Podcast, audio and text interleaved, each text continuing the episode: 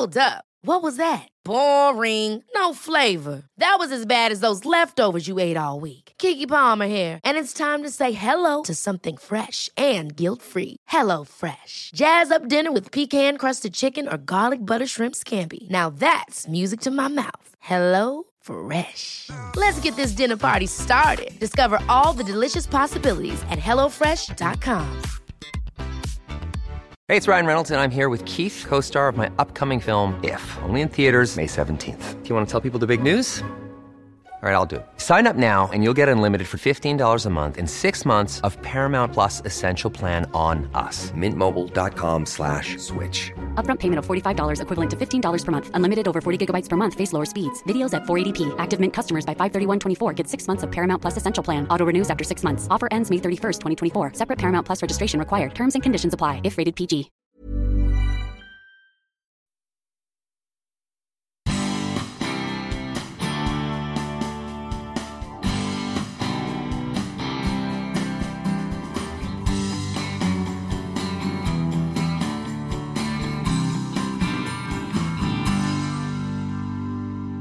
Läser du Christer Pettersson-utredningen. Jag sa det till Thomas när han tvingade mig att läsa den till slut. Jag sa man vill ju tvätta händerna med handsprit när man har läst den här dumma skiten. För den, det är, den är riktigt illa gjord. Enkel devis som jag, som jag tror mycket på. Eh, extraordinära påståenden kräver extraordinära belägg. Den tror jag är jättebra att ha med sig. Ja, jag sa ju det till Ola, vilken jävla stinkbomb du har hittat. Eh, just för att det, för, det kunde man ju räkna ut med röven och bit krita. Ja, ja, vilka blir glada här? Ja, det är ju massa nassar och högertroll. Det här är ju liksom en fest för dem. Ja, men du! Pyromanen har ju fan eldat på kungens älgar! Det finns människor som flyger under radarn bland allmänheten trots att de utmanar etablissemanget och gängse ställningstaganden. Mattias Göransson lyckas få fram information som får utredare att byta spår i tuffa utredningar och lägger fram obekväma sanningar som får det att krypa i skinnet. Han är en av grundarna av magasinet Filter som under åren bland annat tagit sig an att gräva i fall som har vilselett det svenska rättsväsendet och som alltid ställer sig frågan Är det här rimligt? Det blev ett långt samtal och detta är första delen av två med Mattias Göransson. Vi talar om hur det gick till när han var med och avslöjade Palmes mördare och hur fallet Kvick löstes tillsammans med Hannes Råstam. Dessutom talar vi om skandalen med de apatiska barnen och sist men inte minst hur Lego får Mattias att bli en bättre chefredaktör. Andra delen publiceras dagen efter. Om du inte vill vänta så går du in på Patreon.com och söker upp spännande möten. Hoppas du tycker att det är okej okay att betala en ytterst liten peng för att du ska få lyssna på båda delarna direkt. Tack så hemskt mycket. Här kommer Mattias Göransson.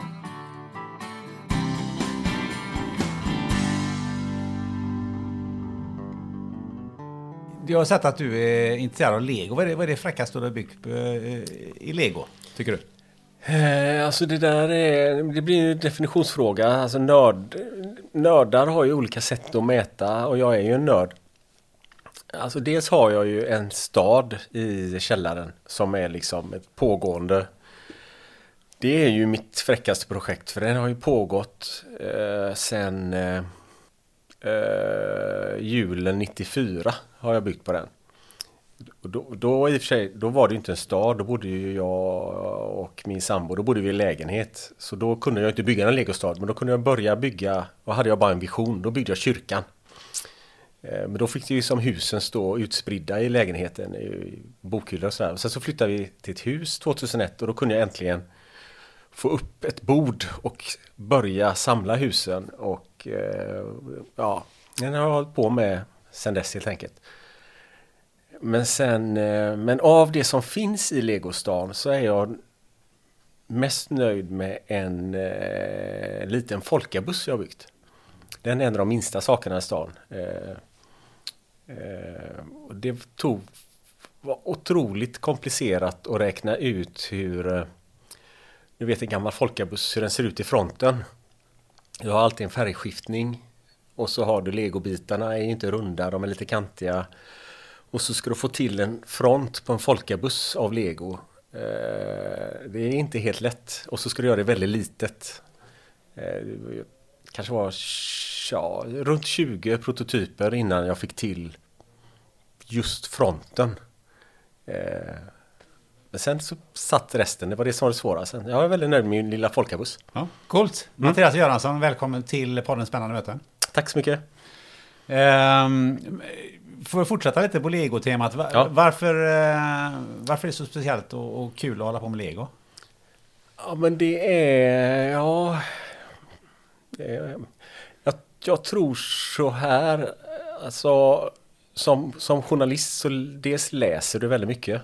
Tar in massa fakta, information. Du intervjuar folk så tar du in massa fakta, information och så ska du processa den. Du skriver, eh, sitter väldigt mycket framför en dator hela dagarna. Det är så väldigt, du, du, du, du lever ett väldigt teoretiskt liv. Och så gillar jag att läsa. Så att när jag är ledig är också ett teoretiskt liv på något sätt. Och då är det så fruktansvärt skönt med något som är så handfast. Det är liksom eh, det är små hårda bitar och, och, du har full frihet och du kan göra vad du vill. Eh, det finns inga ramar egentligen.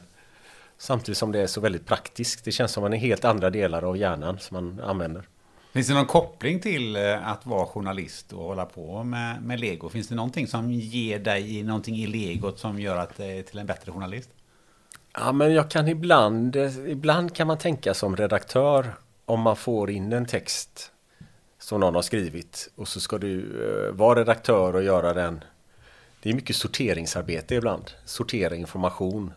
Skribenten har inte riktigt eh, fått till storyn. Så då kan jag tänka som, ja men det här är bara lego. Du har bitarna, de ska bara hamna i rätt ordning. Eh, fokusera Mattias. Eller så kan man också tänka, finns, finns alla bitar på plats? Eh, finns, har jag materialet för att kunna göra? En folkabuss av den här bithögen liksom.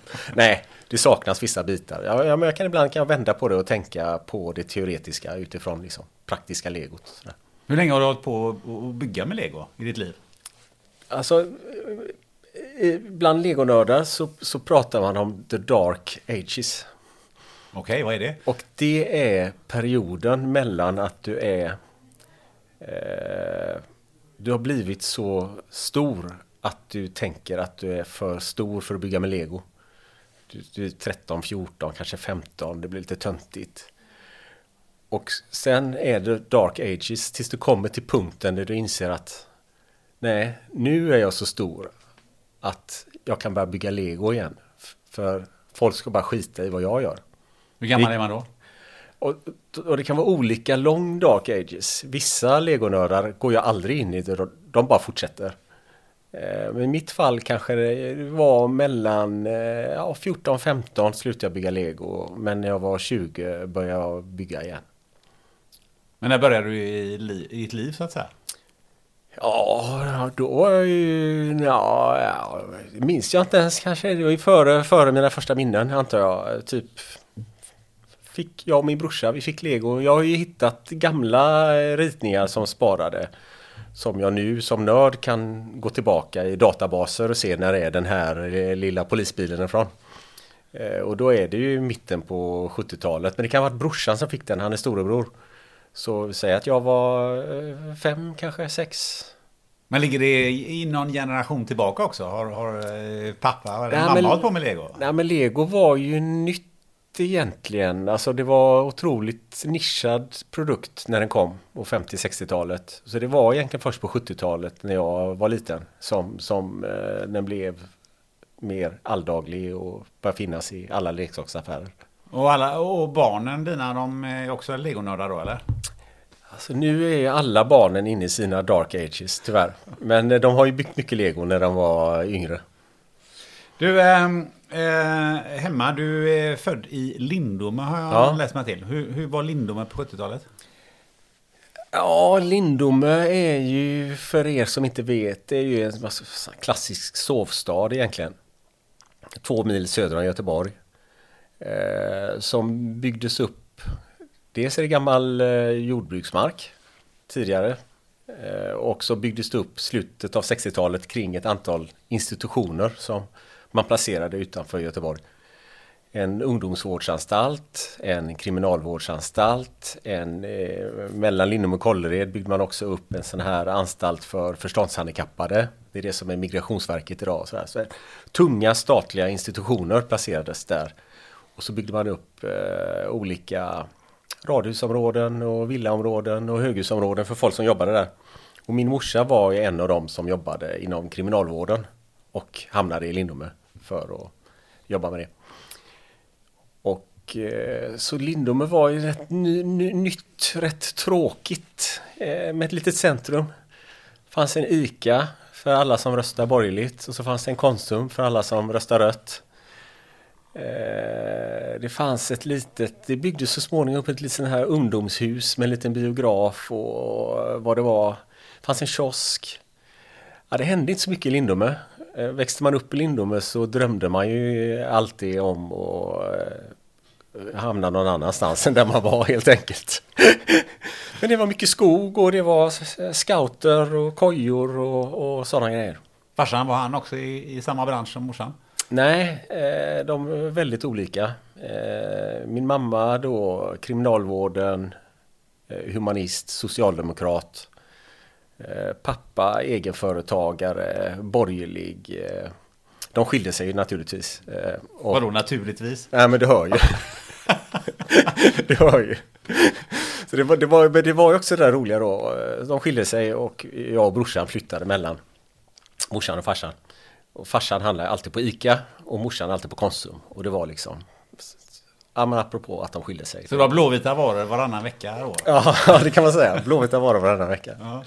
Eh, men jag tänker på vad, vad, hur gick snacket runt eh, middagsbordet sådär? När ni hade två så eh, föräldrar som har två diametralt olika eh, åsikter om livet? Jag ska inte försöka vara någon slags eh, hobbypsykolog här men man kan ju ändå se som, som, eh, som jag blev som journalist eh, och den här verksamheten som vi byggde upp kring från början offside och sen filter och de här böckerna vi ger ut så är det ju någon slags samhällsintresse som jag har fått av morsan.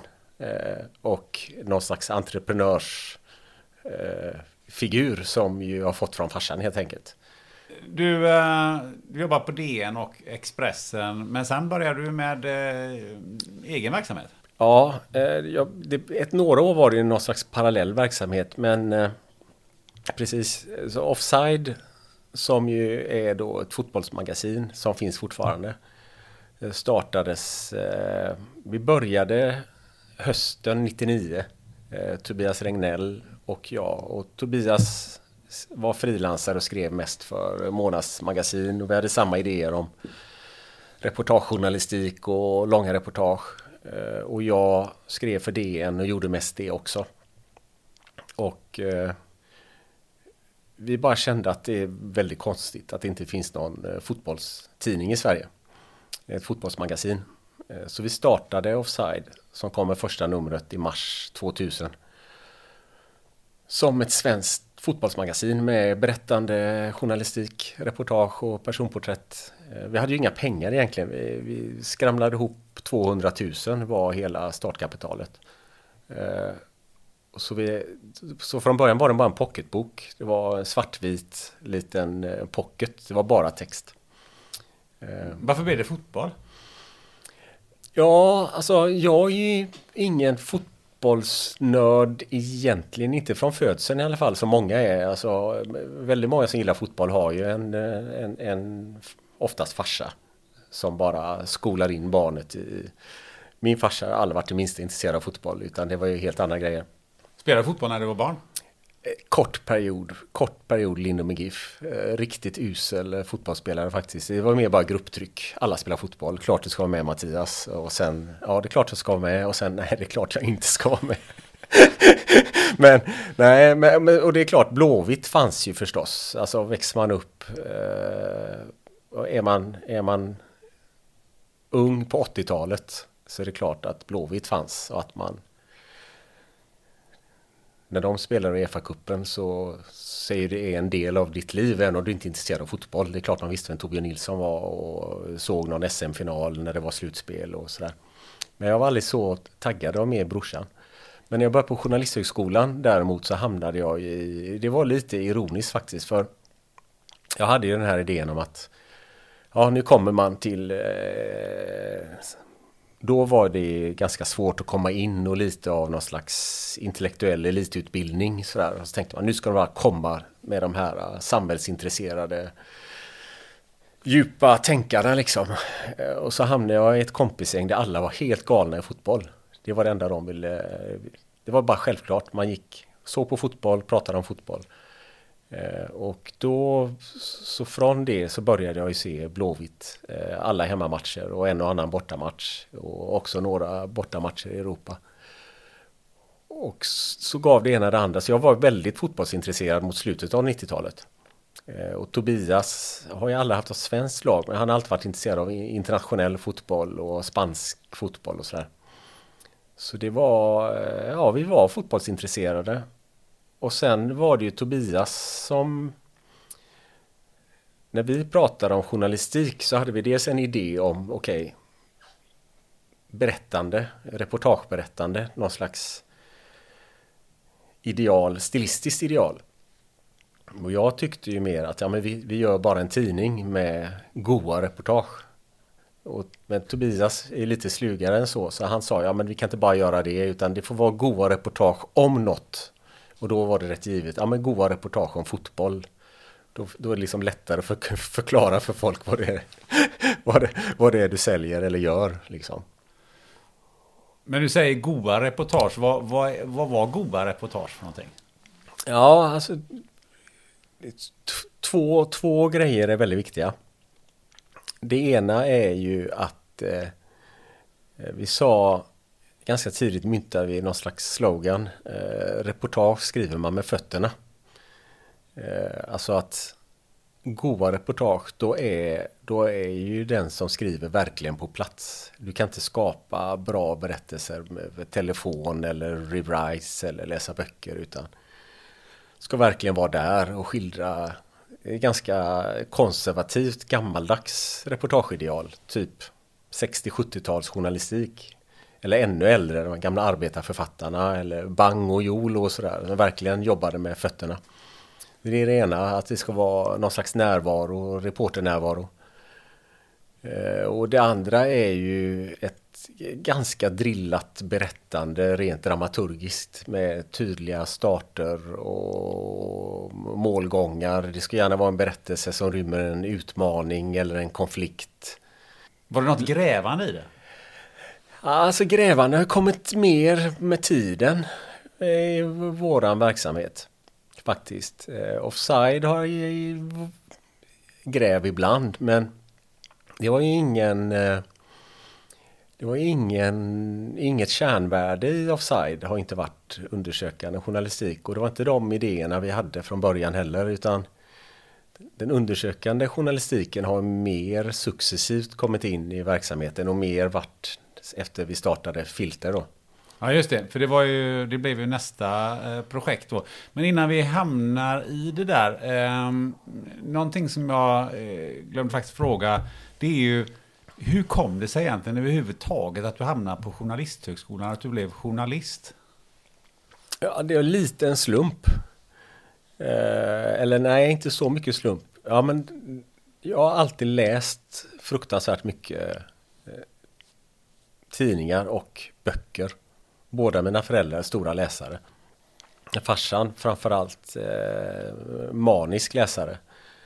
Jag och brorsan räknade en gång hur många tidningar eh, han prenumererade på. Det var 24 olika tidningar.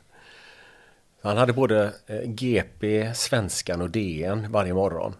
Eh, och så, hans företag var eh, rese, i resebranschen. Mycket resetidningar men också såna här geografitidningar, National Geographic. En tysk National Geographic som heter Geo med lite andra texter. Hade Der Spiegel hemma också, tyska. Rolling Stone, amerikansk musiktidning och så vidare. Hur många olika nischade tidningar. Var han så flerspråkig pappa? Ja, tyska, engelska i alla fall. Så det var ju det som fanns hemma. Och jag lärde mig också tyska så jag läste ju också Der Spiegel och Geo och och sådär. När jag nådde tonåren. Så jag har alltid läst väldigt mycket och det, och det jag gillade mest var ju, alltså på den tiden var Rolling Stone jävligt bra. Eh, det var inte bara en musiktidning utan det var en bredare kultur och musiktidning. Det var någon slags alternativkultur Eh, magasin när den var som bäst med bra undersökande journalistik eller samhällsreportage. Och sen var ju farsan något av det man idag kallar för hoarder. På svenska patologisk samlare. Eh, så att han sparade ju, det var ju högar i källan. Framförallt efter att de hade skilt sig så var det inga problem att bara ha de här högarna heller. Det fanns ingen som hade några synpunkter på det. Eh, så att han hade ju gamla, riktigt gamla Rolling Stone liggande. Så jag kunde ju liksom läsa mig tillbaka och läsa eh, väldigt fina, tyckte jag i alla fall, Rolling Stone-tidningar från, från 70-talet. Så det var lite ett sån här idé om en reportageberättande som de hade då. Som jag tyckte var väldigt fräckt och inspirerande. Det verkar vara kul, kul jobb. Så vill jag också bli arkitekt. Alltid gillat att rita, måla, göra ritningar och ja men du har ju legonörden där också. Mm. Bygga hus. Jag håller på att bygga en stad. Håller på med det.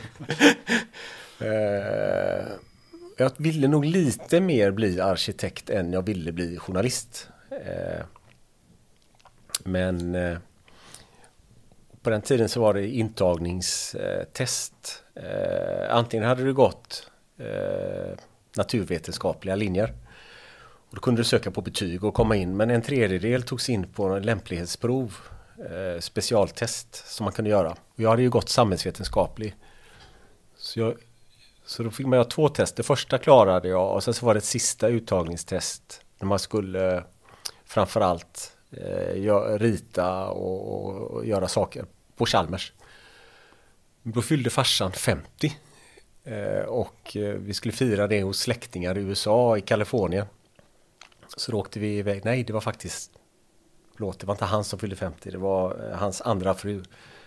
Eh, och då drog vi iväg till Kalifornien. Så då missade jag det testet. Men då hade jag också sökt Journalisthögskolan och så kom jag in där istället. Så det var slumpen som avgjorde att det blev det. Men sen så passade det mig ganska bra när jag ändå var där. Men det måste ju vara svårt att komma in på Journalisthögskolan? Ja, ja det var det på den tiden. Det är lite lättare idag. Eh, antingen fick man vara en jävla plugghäst och det var jag lite för lättjefull. Men då, då högskoleprovet eh, gick ju att göra och komma in. Mm. Eh, men tillbaka till då det du skapade efter Offside, mm. magasinet Filter. Ja. Vad, vad är det för magasin? Ja, eh, vad ska man säga om det? Det är ju en, en bred tidskrift. Den enda, enda ramen egentligen är att det är berättelser och människor och händelser som är Sverige. Det är Sverige i fokus. Eh, sen gör vi en tidsbegränsning. Så vi var mycket hårdare med den i början. Idag är vi lite lösare i kanterna. Men från början så hade vi eh, väldigt hårt fokus på att eh, om du köper en eh, april-maj-filter så allt som står i den tidningen är kopplat till april och maj. Vi försökte på förhand se vad händer i april och maj. Ja men då kommer den boken eller då kommer den nya lagändringen eller ja ja och då intervjuar vi någon eller vi skriver ett reportage som har en koppling till det som kommer hända. Eh, så det var ett sätt att hålla oss eh, fördjupande men ändå vara i tiden. Det är väldigt lätt att magasin blir helt tidlösa. Om man berättar om någonting som bara hänger i luften för att det är en spännande människa eller eh, men då får du det där problemet att ja, varför ska jag läsa det här nu? Kan jag läsa när som helst? Kan läsa den när som helst? vad ska jag köpa tidningen nu? Jag kan väl se om någon annan... Ja men det blir, det blir lite flötigt som man säger på göteborgska. Så vi hade det där äh, väldigt tydliga tidsfokuset från början. Men idag har vi släppt lite på det där och är mer... Vissa av reportagen är bara, ja men det här är en bra berättelse eller det här är upprörande ämne. Då, då, är vi inte lika petiga med det längre utan då säger vi en, en bra berättelse skapar sin egen aktualitet. Så här. Ett bra avslöjande har alltid sin egen aktualitet. Så Men, eh, men varför skapade ni eh, eh, det här magasinet? det var, dels var det det här berättaridealet. en form av journalistik som koncept. Det låter jätteflummigt. Men som... Eh... One size fits all seemed like a good idea for clothes. Nice dress. Uh, it's a it's a t-shirt. Until you tried it on. Same goes for your healthcare. That's why United Healthcare offers a variety of flexible, budget friendly coverage for medical, vision, dental, and more. So, whether you're between jobs, coming off a parent's plan, or even missed open enrollment, you can find the plan that fits you best. Find out more about United Healthcare coverage at uh1.com. That's uh1.com. It's that time of the year. Your vacation is coming up. You can already hear the beach waves, feel the warm breeze relax, and think about work. You really, really want it all to work out while you're away. Monday.com gives you and the team that peace of mind. When all work is on one platform and everyone's in sync, things just flow wherever you are. Tap the banner to go to Monday.com. Millions of people have lost weight with personalized plans from Noom, like Evan, who can't stand salads and still lost 50 pounds. Salads, generally, for most people, are the easy button, right? For me, that wasn't an option. I never really was a salad guy. That's just not who I am. But Noom worked for me. Get your personalized plan today at Noom.com. Real Noom user compensated to provide their story. In four weeks, the typical Noom user can expect to lose one to two pounds per week. Individual results may vary. Ville hålla vid liv kan man nästan säga. Och, och, och det andra är någon slags nyfikenhet. Vi hade en slogan från början, eh, läsmagasinet för nyfikna. Eh, att, att göra en tidning som är, inte har några skygglappar på det sättet. Att väldigt många magasin är annars styr, har målgruppstänk. Eh, jättevanligt i magasinsvärlden. Som ofta kommer från en annonstanke. Vi vill attrahera den här typen av annonser. Och så har vi en målgrupp. Eh, ja men det enklaste du vet. Ja ja, nu ska vi mjölka båtvärlden på annonser. Då gör vi en båttidning och så är det båttidningen Din båt liksom. Eh, men vi, filter ska vara för dig som är nyfiken. Alltså, jag har alltid gillat överraskningar. Men hur skapar man den nyfikenheten? Vad, är det man, vad gör man för berättelser? Alltså man ser till att vara, inte vara bunden av till exempel en viss politisk agenda. Det är annars ett vanligt sätt att sortera just massmedia på. Tidskriften för dig som är vänsterradikal och så ska du vara, så, så har du ETC till exempel. Eller så, okej, okay, är du mer höger så har du kanske den här Neo fanns en som hette eller så, så, för oss är nyfikenheten är just att, att eh, våga gå på fascination och inte styras av några andra. Men jag har fått den uppfattningen att eh, det är väldigt mycket gräv i filter. Alltså det har blivit mer med tiden. Mer gräv än det var från början. När vi var nya så var det mer av kulturjournalistik. Vad, vad är ett bra gräv? Hur ser man det? Att det här kommer att bli bra? Alltså ett riktigt bra gräv, alltså riktigt stort gräv. Det flyttar ju marken under fötterna på läsaren. Eh, du börjar läsa och tror att det är på ett visst sätt. Och när du har läst klart det så har du ändrat din uppfattning om hur saker och ting fungerar eller hur världen fungerar. Och så har ju våra största avslöjanden varit. Eh, hur såg ni det från början? Att det här är nog någonting vi borde gräva i? Alltså det, det, största är ju det som har tagit längst tid. Det är ju den här Palme, Palme-publiceringen, Den osannolika mördaren om eh, Stig Engström. Eh, när Thomas Pettersson kom gående med grundstoryn. Nu, det hände ju massa saker under resans gång, men det han kom gående med eh, i oktober 2012 Eh, var i princip faktiskt det som åklagaren drog på sin presskonferens i juni 2020. För det fanns ju från början, alltså vittnesförhören från brottsplatsen, förhören med Engström, eh, brottsplatsdata, tider, vinklar, positionering. Så den grundslutsatsen att ja, så här är förhållandena på den här brottsplatsen och det här är vad alla har sagt om det som hände där och utifrån det som är känt från brottsplatsen så är det enklaste svaret att det var Stig Engström som sköt Palme. Och det finns inget, vad jag kan se, sa Thomas, finns ingen rimlig alternativ förklaring. Hur länge hade han grävt i detta? Då hade han hållit på med det i sex år. Eh, han började 2006 och 2012 kom han med det. Och, och det, det gick ju att se. Eh, då fick jag ju själv plöja alla de här förhören med alla vittnena, eh, brottsplatsvittnena och gå igenom polisens rekonstruktioner och bilder och, och gör, lägga det här pusslet så att kolla, ja men det stämmer ju och den säger det, den säger det och det. Och den här tiden och och sen då ser man ju, då ser man, håller det här? Då är det ju väldigt skop. Eh, och det kommer ju ändra marken under fötterna på rätt många människor i alla fall. Å andra sidan så måste du vara säker på att det håller. Eh, så jag la ju ribban där att, ja men jag vill inte publicera ännu en teori om Palmemordet utan kan vi bli så säkra att, att det finns ingen annan förklaring? Det är verkligen så. Det mest sannolika är att den här mannen sköt Palme. Det ska hålla liksom.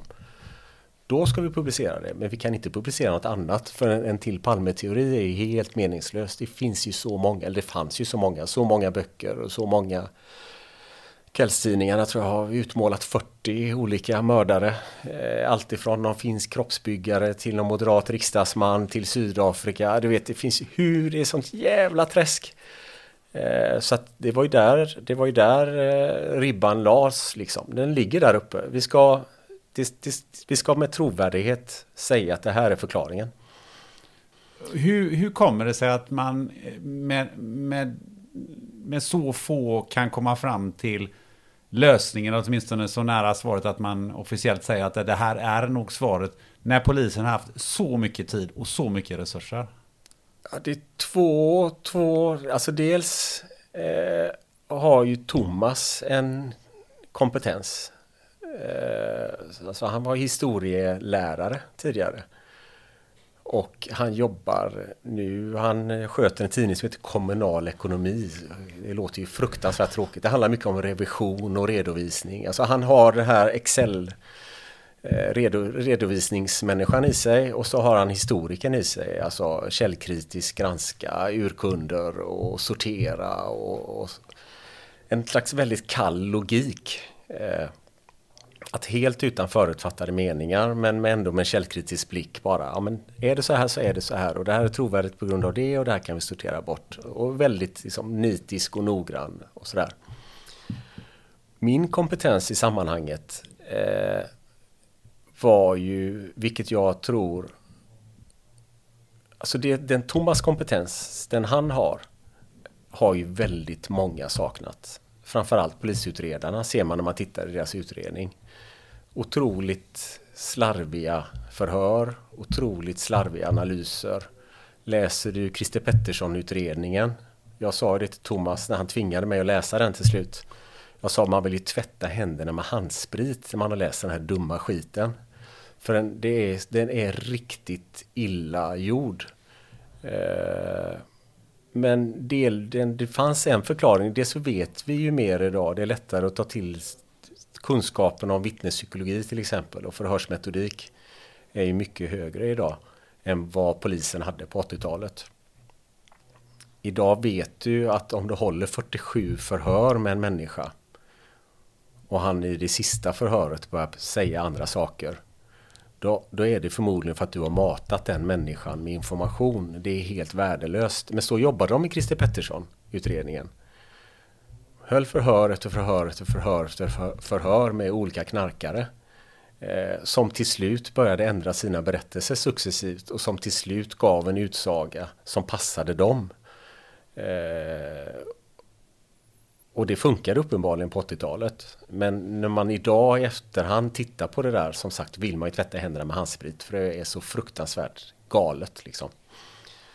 Men det fattade ju Thomas och han har ju den kompetensen att ja, så kan man inte göra utan du får titta, du måste gå till källan, du måste ta de första förhören.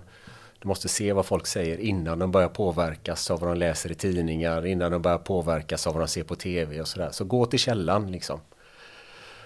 Min kompetens var ju då att eh, för att köpa detta så måste du köpa ett som jag tror att många hade tyckt var ett fantastiskt premiss. Du måste köpa premissen att alla de här utredarna, Sveriges, en av världens största mordutredningar, är inkompetent. Du måste köpa premissen att de här människorna kan ha varit helt bakom flötet. Eh, och det låter ju helt galet. Hur, hur, hur skulle det kunna gå till? Nej, för mig, jag hade inga problem med det överhuvudtaget vid den tidpunkten. Eh, för då hade jag precis eh, jobbat med kvickfallet under ganska lång tid. För att en, en kollega till mig, Hannes Råstam på SVT som gjorde de här dokumentärfilmerna om kvickfallet. Han höll på att skriva en bok om det och så blev han eh, sjuk i cancer och blev så, eh, ja, han förstod att han skulle dö. Och då eh, hjälpte jag honom. Han lotsade mig successivt in i materialet. Eh, så sista halvåret han levde så gick vi igenom det och pratade om hur jag skulle kunna slutföra hans bok efter att han hade gått bort. Så då hade jag dels jobbat med honom och lärde mig fruktansvärt mycket av att jobba med honom. Han är ju Sveriges bästa han var Sveriges bästa undersökande journalist genom alla tider, vågar jag påstå faktiskt. Eh, väldigt noggrann och nitisk. Så dog han och så satt jag med materialet och faktakollade massa grejer och sorterade klart det till boken var färdig. Och den var precis publicerad då. Den publicerades eh, augusti-september 12 och så kommer Thomas med Palmegrejerna i oktober och säger titta här. Den här utredningen, de har missat det, det är helt galet. Mördaren var där. Det finns en gubbe, signalementet stämmer överens. Det enda som krävs är att du köper det här att polisen kan vara så inkompetent. Ja, det hade jag inga problem med. Jag hade suttit med kvickutredningen som ju var... Det var ju den näst största utredningen. Den var ju helt bananas. Så att för mig var det inga konstiga Ja, det är klart. Kan de här seriemördarutredarna vara helt bananas så är det klart Palmeutredarna kan väl vara lika bananas. Det är inget konstigt med det. Eh, så jag hade väldigt lätt att köpa den premissen. Eller det var ju en hypotes, sen visade det sig att den stämde, men hypotesen var ju att ja, Visst, Palmeutredarna har bara varit helt stolliga.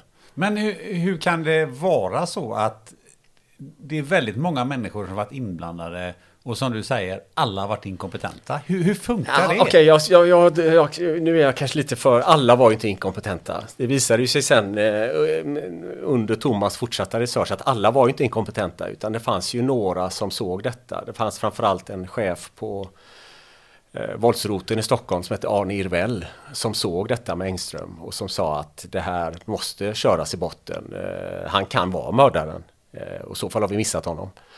Men så var det det där med slumpen. Sen gick Arne Irvell i pension i maj 86. Och den som tog över var inte alls intresserad. Eh, och det måste också det är någonting som jag tror kräver en viss rutin och erfarenhet för att lära sig att den typen av... Det är så otroligt mycket som avgörs av slumpen. Eh, väldigt många som har tittat på Palmeutredningen har ju varit människor som är konspiratoriskt lagda. Och är du konspiratoriskt lagd, då söker du mönster. Du söker en hemlig agenda, du söker en plan. Du tolkar allting, som ser, allting du ser som resultatet av en medveten handling. Min erfarenhet efter alla år är ju att det är verkligen tvärtom. Det mesta i livet avgörs av slumpen, tillfälligheter. Eh, det finns väldigt sällan en medveten plan. Det var samma i Kvickfallet. De hade ju ingen plan att sätta dit honom. Eh, utan det var, olik, det var slumpen som gjorde att det hände som det blev.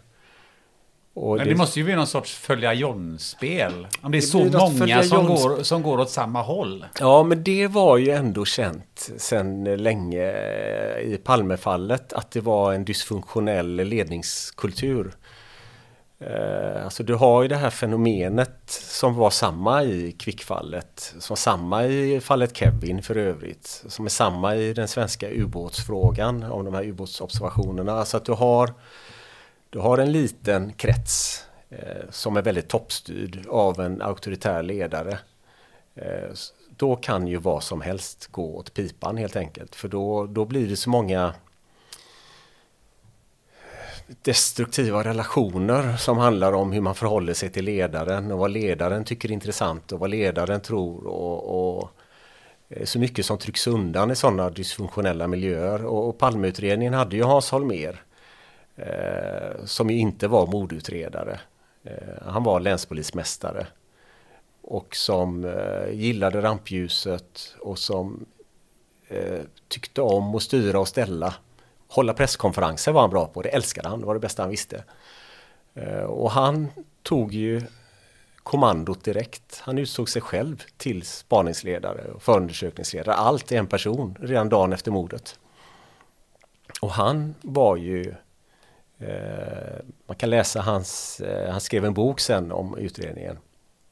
Och redan i bilen på väg till Stockholm Han var på väg till Mora för att köra Vasaloppet. Så hör de om mordet på radion och så vänder de bilen och åker ner. Och innan han vet ett skit överhuvudtaget om någonting med att Palme är död så skriver han ju då att han sitter i bilen och eh, pratar med den som är med honom om vem kan ha gjort det här? Och redan där pratar de om PKK och olika terroristorganisationer för han förutsätter bara rent någon slags magkänsla eh, det måste ju förstås vara planerat. Det måste vara terrordåd på något sätt. Någon form av eh, plan bakom det här. Det är de tankarna han kommer med innan han ens blir informerad om brottsplatsfakta. Eh, och sen är han i de tankarna mer eller mindre och han skjuter bort andra saker. Han tar liksom inte till sig det riktigt. Men Holmer försvann ju... Eh... Ja, efter nästan ett år, efter knappt år försvann han. Så att han kan ju inte ha påverkat det som kom efter det. Nej, men han såg ju till att allt det som rörde Engström tryckte han bort. Så att Engström var avförd från utredningen och borta ur borta, helt avförd liksom, när efterföljaren tog över. Så när efterföljaren börjar titta på olika lösningar så är redan Engström bortsorterad. Eh, så att skadan var redan skedd. Skadan sker under våren 86 då när Eh, den dåvarande ledningen inte bryr sig om det här spåret. För det, det finns inte på kartan. 50-årig grafiker, eh, småfet alkis från, från eh, Täby, moderat fritidspolitiker. Det är väl ingen mördare. Eh, eftersom de inte visste så mycket om mördare överhuvudtaget. Alltså för de hade ju en idé om politiska mord som var präglade kring deras referensramar och politiska mord i Sverige. Ja, då får vi gå tillbaka till 1700-talet, Gustav III. Eh, ingen bra referens, eh, har gått några hundra år sedan dess. Och så kunde de tänka då, ja, det hade varit en del mord på 70-talet, eh, Röda armébrigaderna eh, i Italien. Du hade de här galningarna i Tyskland och där var det ju terrorgrupper och politiska kommandon liksom. Så det var deras referensram.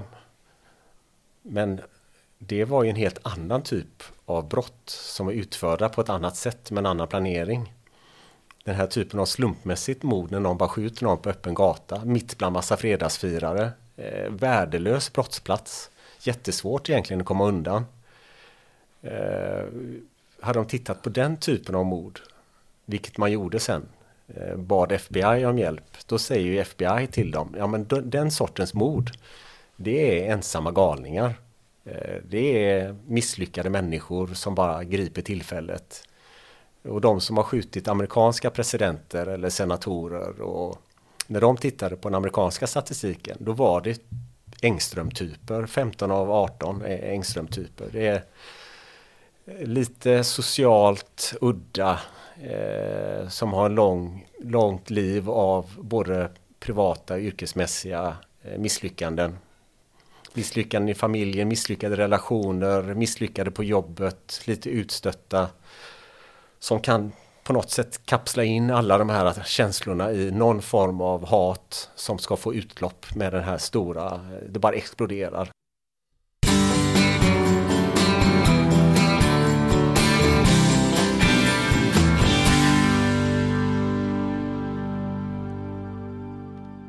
Ska du resa utomlands närmaste tiden? Eller vill du snabbt få veta om du är coronasmittad? Då tycker jag du ska spana in sajten coronapassport.se. Coronapandemin gör att många länder kräver speciella intyg på att du är smittfri för att ge dig inresetillstånd. Det behövs ett så kallat coronapassport undertecknat av läkare och baserat på ett coronatest som är max 48 eller 72 timmar gammalt. Gå in på coronapassport.se och välj bland över 100 privatkliniker i Sverige. Beställ tid så nära in på din resa som möjligt så att intyget blir färskt. Kliniken testar dig och skickar provet till Tata Biocenter, ett akkrediterat laboratorium som erbjudit coronaanalyser sedan februari 2020. Så fort resultatet är klart, och det går alltid undan, då får du ett friskhetsintyg från din klinik förutsatt att du inte bär på coronavirus. På coronapassport.se så hittar du också aktuell reseinformation och generella råd från UD. Och du, glöm inte munskydd. Finns på coronapassport.se numera även med nanofilter som till och med filtrerar virus. Tack coronapassport.se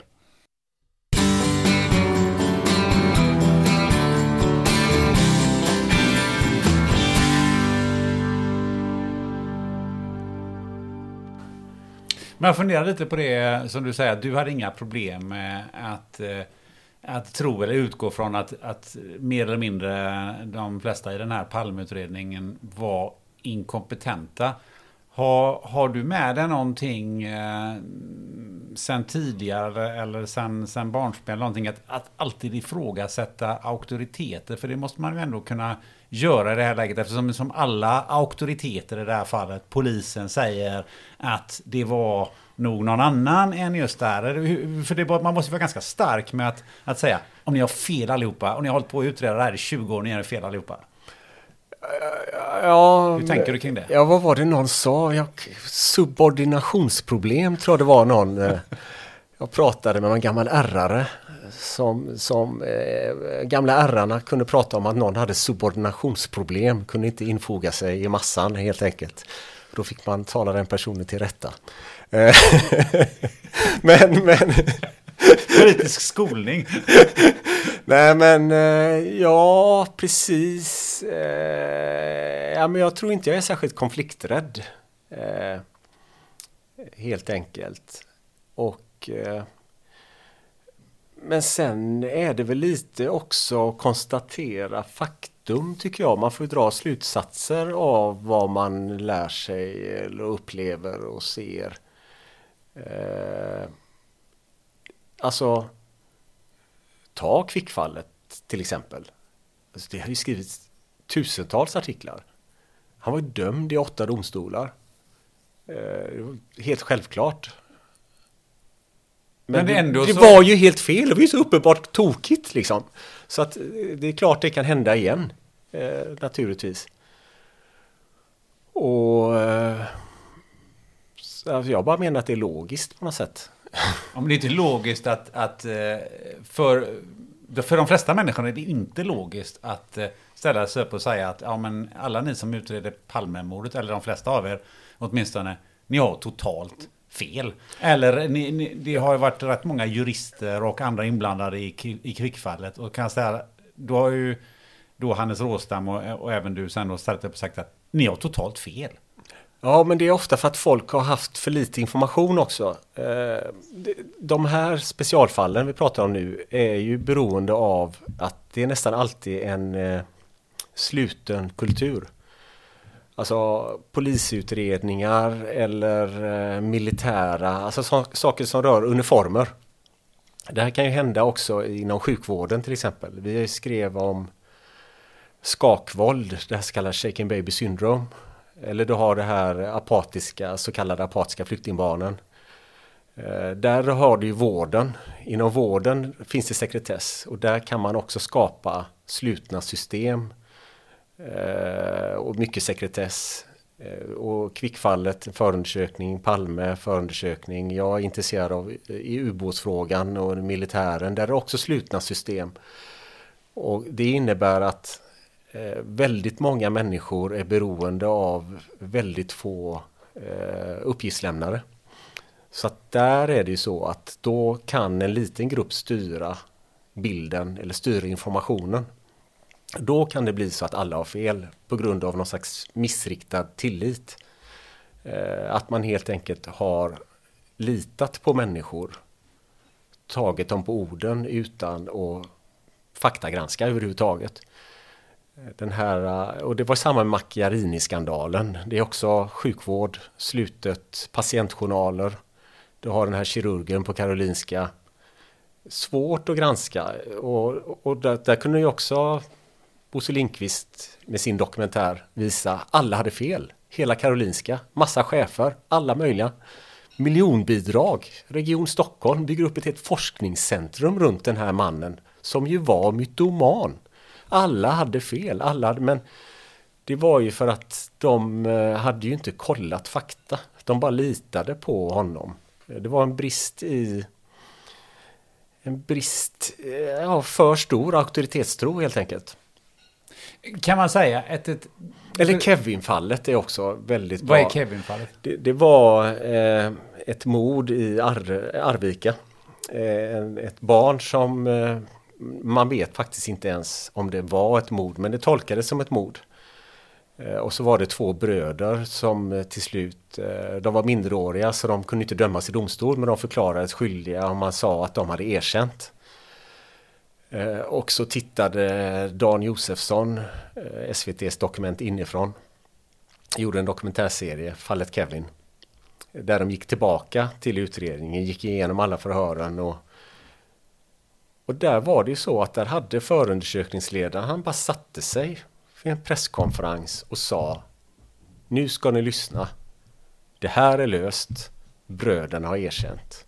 Och så skrev alla det.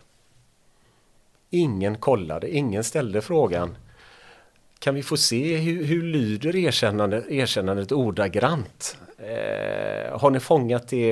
Är det ett bandat förhör? Kan vi få lyssna på det? Ingen gjorde det. Men det måste vara ett underkännande mot journalistkåren? Ja, det är det också. Alltså vi lever, ja, det underkännande, det finns något fint i det att vi lever i ett samhälle där man har så stor tillit till varann. Att man i den typen av situationer förutsätter att en tjänsteman som är statligt eller kommunalt avlönad sköter sitt jobb och har på fötterna. Det är det, är det vackra i det.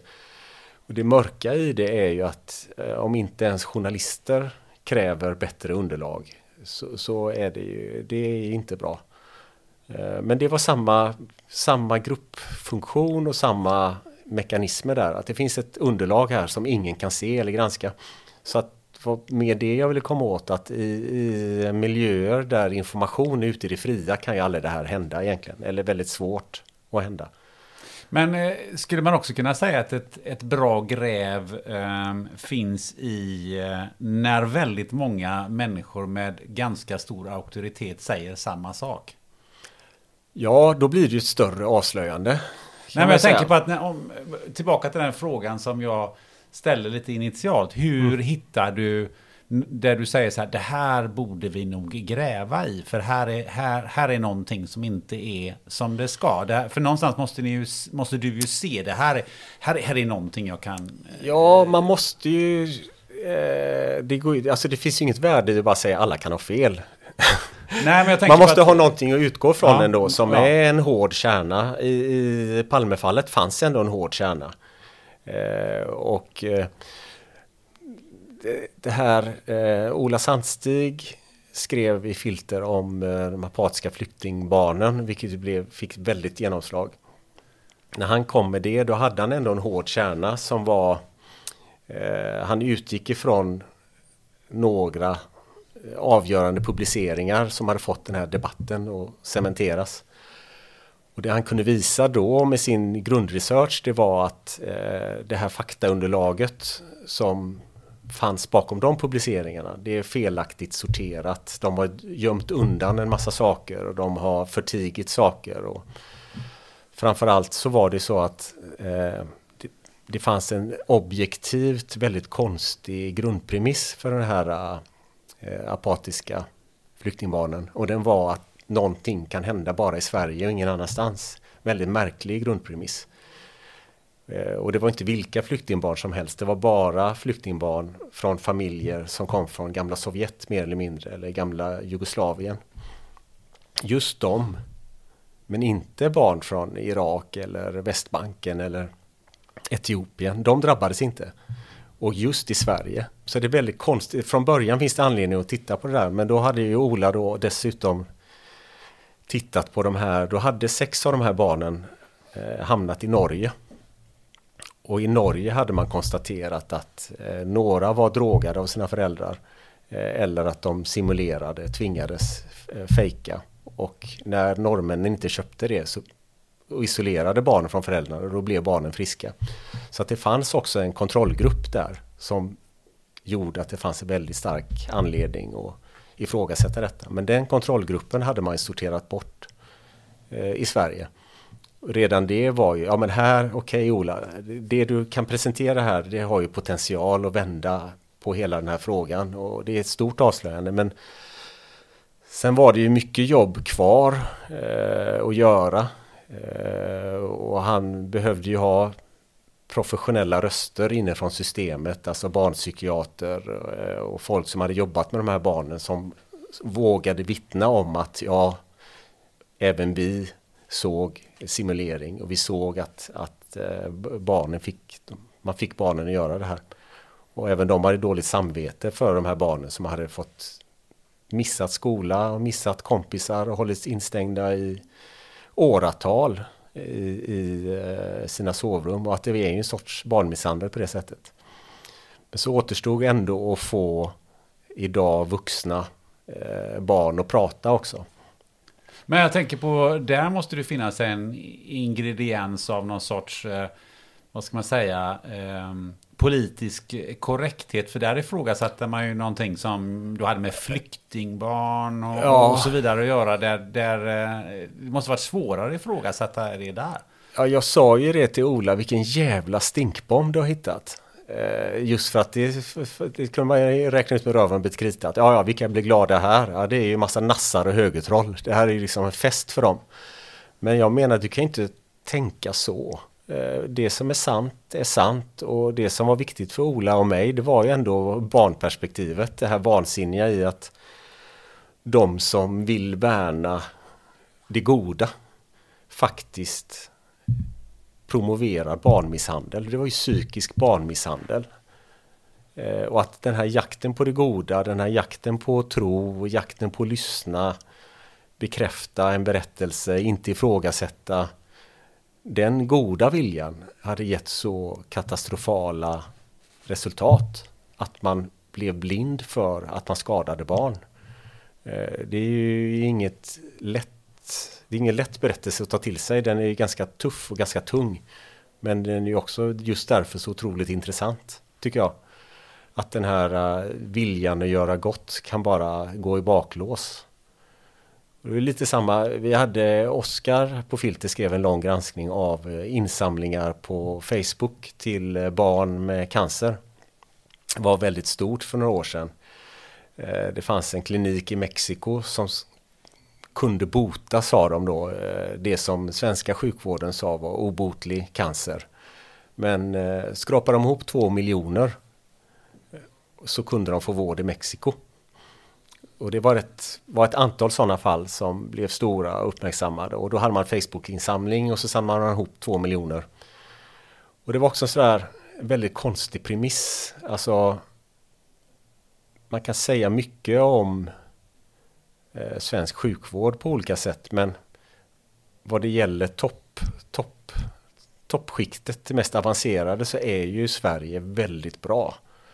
Alltså transplantationskirurgi, hjärnkirurgi, cancervård. Vi ligger i topp i världen. Så redan idén att det ska finnas en eh, privat klinik i Mexiko som slår det svenska sjukvårdssystemet är ganska udda tycker jag.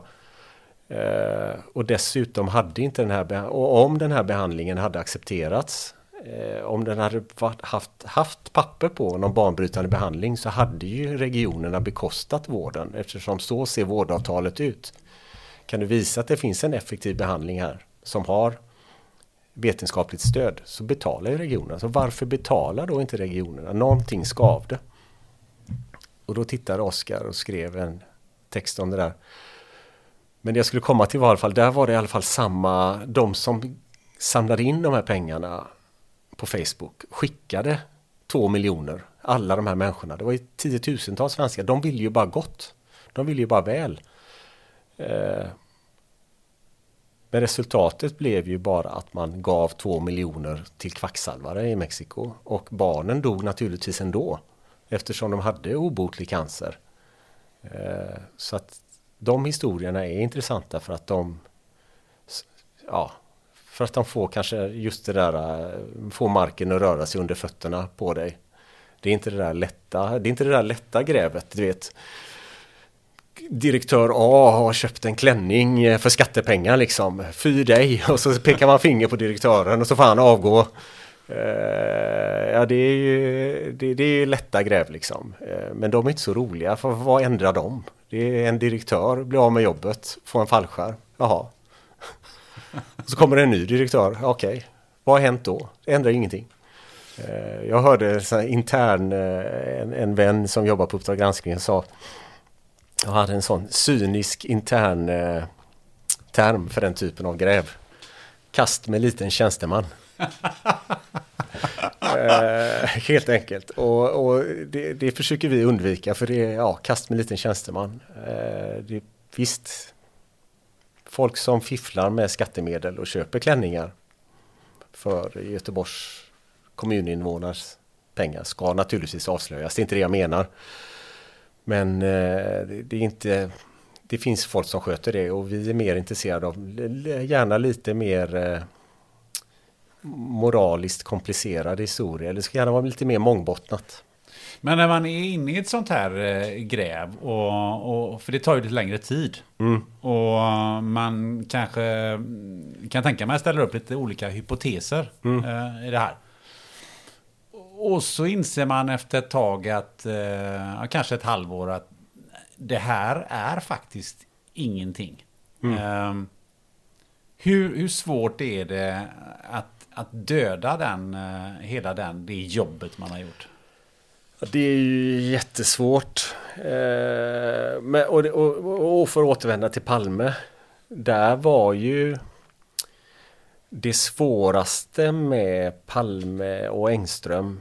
Det var ju just den där premissen jag beskrev tidigare. Att de är helt inkompetenta. Eller det, vi måste hitta buggen. Eh, någonstans finns någon form av underlag Eh, som har lett till att de har, de har ändå formellt avskrivit honom från mordutredningen. Det finns ett underlag. Eh, men det hittade ju aldrig Thomas. Det dök ju aldrig upp. Det var, ingen kunde minnas det. Det fanns inga handlingar. Det var, det var som bara ett svart hål. Och han frågade, han hann ju beta av tre olika eh, förundersökningsledare i Palmeutredningen. De hann ju byta tre gånger. Och hans tre olika fick samma fråga. Var finns det formella vad finns det formella beslutet att avföra Engström från utredningen? Vad baseras det på? Och ingen kunde ju svara på det. Nej, men han är avförd. Jo, jag vet att han är avförd, men vad baserades det på? Ja, men han är inte intressant i utredningen. Absolut. Men vad baseras det på? Och det kunde ju ingen svara på. Och han hittade ju eh, Tidigare journalister hade ställt den frågan. Eh, men då hade det varit journalister på Proletären till exempel och det får inget större genomslag. De hade ju en journalist som hette Olle Minell skrev om Engström 89 och ställde den frågan. Och då fick han bara det svaret. Han är ointressant. Han är avförd från utredningen. Och, och det var ju förstås omöjligt att publicera någonting innan vi visste vad det baserades på. Och då fortsatte ju Thomas att ta reda på andra grejer om Engström. Men den grundfrågan var ju aldrig löst. Eh, och det dröjde ju faktiskt till sommaren 2017. Innan, det var ju efter att eh, Christer Petersson då, den, den nya förundersökningsledaren tog över och sorterade om. Eh, massa gamla utredare slutade. Eh, och Thomas fick upp dialogen med en av de här utredarna. Och den utredaren höll med honom om att ja, men det här underlaget måste vi hitta. Det vill ju de också hitta. Eh, tidigare hade inte brytt sig om det, men de förstod ju genast. Christer Petersson förstod att det här var centralt. Eh, för han gick ju tillbaka till brottsplatsen han med. Det var det första han sa till den nya gruppen. Glöm allt som gjorts. Vi backar bandet, vi börjar om från början. Vi går tillbaka till brottsplatsen. Hur ser vittnesmålen ut? Hur ser rekonstruktionerna ut? Vad, vad är sagt från början? Skit i allt annat. Så att han gjorde ju det som Thomas hade gjort en gång i tiden. Eh, och då såg de ju, ja men där har vi ju, vi har ju en Engström här som, som matchar beskrivningen av mördaren och historien går ju inte ihop sen. Eh, varför är han avförd från utredningen? Och det svaret kunde inte de ge då till eh, Petersson. Så de letar efter det och Thomas letar efter det, hade letat efter det i evighet.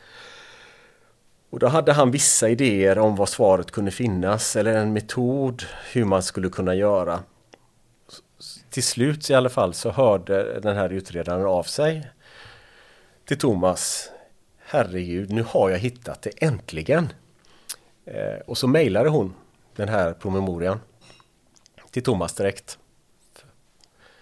Han öppnar den här eh, pdf-filen och då är det helt enkelt en promemoria som, som eh, gjordes på slutet precis innan Hans Holmer avgick då, det här är början av, av 87. Och då är det en polis som har fått i uppdrag att ta en sista titt på Engström. Eh, vad kan vi säga om honom? Är han ett vittne eller kan han vara misstänkt? Och så gör han ett antal eh, åtgärder. Och när Thomas ser vad han har gjort och kan läsa så ser han ju, ja men det är ju helt stolligt det här. Han har blandat ihop Engström med vittne, eh, han har blandat ihop vittne A med vittne B och han har blandat ihop vittne C med vittne D. Han gör den här, framförallt gör han en, eh, ett förhör med en av dem som såg mördaren, den som såg mördaren sist eh, innan han försvann från platsen. Och så ber han henne, han visar henne en bild på Engström. Och då säger hon på fem punkter av sex, säger hon att det stämmer överens med den hon såg. Längden stämmer, eh, kroppshyddan stämmer, den lilla väskan stämmer. Det är som sak efter sak efter sak efter sak stämmer. Eh, och det är bara en sak säger hon, det är en sak som sticker ut och det är ja, men den här rocken som den här mannen har på bilden. Eh, den man jag såg hade inte så här lång rock. Jaha, säger polisen. Ja, ja, men då var det inte han. Men Thomas ser ju då, eftersom han kan materialet så bra, säger men polisen har ju valt en bild ur Expressen. Han har inte valt bilden eh, som polisen själva har tagit när Engström ska ha samma kläder som han hade mordkvällen. Då har han en mycket kortare rock. Varför de har gjort det? Helt obegripligt. Helt obegripligt. Men det är väl slumpen. Det, finns ingen plan antagligen utan jag ska ha en bild på Engström. Ja men vi har en bild från Expressen, vi tar den. Polisen har struntat i att kolla. Har han en helt annan rock på sig? Han har en tjock vinterrock. Det är ett helt annat tillfälle. Det skiter han i. Och så, så att Thomas ser det här dokumentet och ser att ja, men det här är ju helt... Det är, det är bara tjänstefel. Punkt efter punkt efter punkt tjänstefel. Han har bara slarvat, haft en dålig dag på jobbet. Och då visste ju han och jag att okej, okay, nu är det där ur världen. Den här eh, bärande delen av hypotesen, det är bara ett galet misstag. Den har vi bekräftat nu. Det här misstaget, nu vet vi det liksom. Men eh, man, har du någon gång kommit till ett läge där du, där du hållit på och grävt ganska länge och inser att du har fel? Ja, jag höll på rätt länge med en berättelse som jag av pressetiska skäl inte ska ge för mycket detaljer. Men det var det en person som hade en ganska spännande historia. Eh, som hade kunnat vara jätteviktig. Och vi hade pratat mycket på telefon och mejlats och jag tog tåget upp till en stad i, i Dalarna och var där eh, en hel helg och intervjuade honom. Eh, och fick mer material. Eh, och sen gjorde jag några ytterligare faktakollar och kollade med några källor och kom fram till att ja, men det här är en person som eh, har vanföreställningar. Han var mycket trovärdig, mycket övertygande.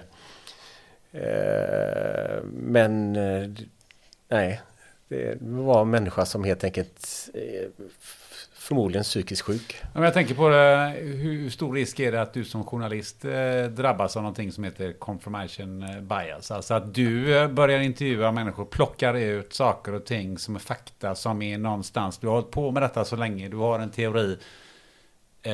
Finns det en risk där sen att du, att du börjar plocka i saker och ting som bekräftar den teorin? Ja, den risken måste ju alla människor vara vakna på tror jag att eh, det kan ju drabba vem som helst faktiskt. Eh, Hur säkerställer du att det inte händer dig? Alltså det så måste man ju ha omge sig med djävulens advokater. Tror jag är väldigt viktigt. Alltså att du har Du måste vara prestigelös. Alltså de här sakerna eh, Alla de här sakerna jag pratat om har ju varit organisationer eller utredare eller människor som själva har haft den här confirmation bias eller bekräftelsejäv som man kan säga på svenska. Och det har varit de har ju saknat djävulens advokater. Alltså Holmer hade ingen djävulens advokat uppenbarligen och det hade ju inte Christer van der Kvast eller som utredde Kvickfallet och sådär. Så att, och de var också prestigeladdade människor, alfahannar som, som eh, tog illa upp om de blev ifrågasatta. Så prestige är ju livsfarligt. Eh, tror jag. Det är en otroligt farlig, otroligt farlig egenskap. Eh. Vilka djävulens advokater omger du dig med? Alltså det är olika i olika fall. Det som är gött med, ja, vi, vi pratar om det, alltså, vi hållit på, det är ett ganska litet gäng här eh, som gör vi gör en tidning som heter Skriva idag också och så ger vi ut böcker. Men vi är inte mer än 20, drygt 20 pers som gör tre tidningar och har en bokutgivning och så. Eh, och, eh, och Hårda Kärnan har varit med sedan starten. Eh, Ola Karlsson är AD och grafisk chef. Satt och pratade om sådär och så sa jag Fan Ola det är ändå rätt gött att vara gubbe. Alltså det, det, som är tråkigt är ju i och för sig att man, jag bara får ont i ryggen och blir stel liksom. Men det som är gött med att ha varit med ett tag och vara gubbe det är just att du har fler kontakter. Eh, och, och, och, då menar jag också djävulens advokater. Alltså, jag har hunnit göra så mycket att det finns kan ringa till en professor eh, kan ringa till en professor på psykologen i Göteborg som är expert på förhör och vittnespsykologi vi kan ta en lunch. Går igenom just den här frågan med de här vittnesmålen, de här förhören. Och jag tolkar dem så här, Thomas tolkar dem så här. Vad säger du? Det är, är det en rimlig tolkning? Ringa en advokat eller... Eh, eh, ja, jag vet inte om de vill bli namngivna allihop men... Eh, Nej, det var mer liksom... I Palmefallet var det jätte, jätteviktigt att ha ett antal... Det fanns både bra jurister och före detta Säpo-chef eh, som fick ge feedback och kommentera vissa saker eller bedöma vissa saker och sådär. Du har lyssnat till första delen av Mattias Göransson. I nästa del går vi på djupet med Stalinraketer och ubåtar där Mattias bland annat skrivit boken Björnen kommer om ryssrädsla, mönsterseende och militära misstag. Vi diskuterar journalistiska stinkbomber vad som händer på en tidningsredaktion när kungens älgar brunnit. Dessutom varför är inte journalist ett licensierat yrke och vem granskar egentligen journalister? Och som sagt, lyssnar du till detta första dagen avsnittet ligger ute och du vill lyssna på del 2 direkt, då går du in på Patreon.com och letar upp spännande möten.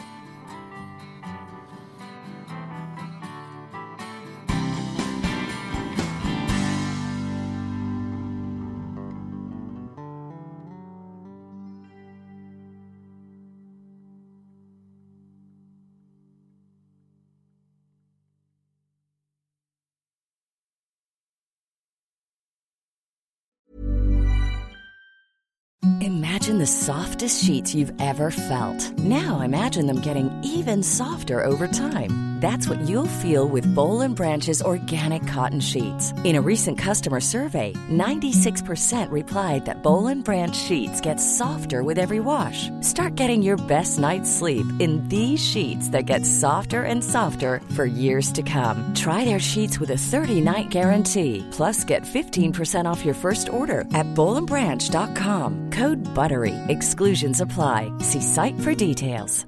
Hey, it's Paige DeSorbo from Giggly Squad. High quality fashion without the price tag. Say hello to Quince.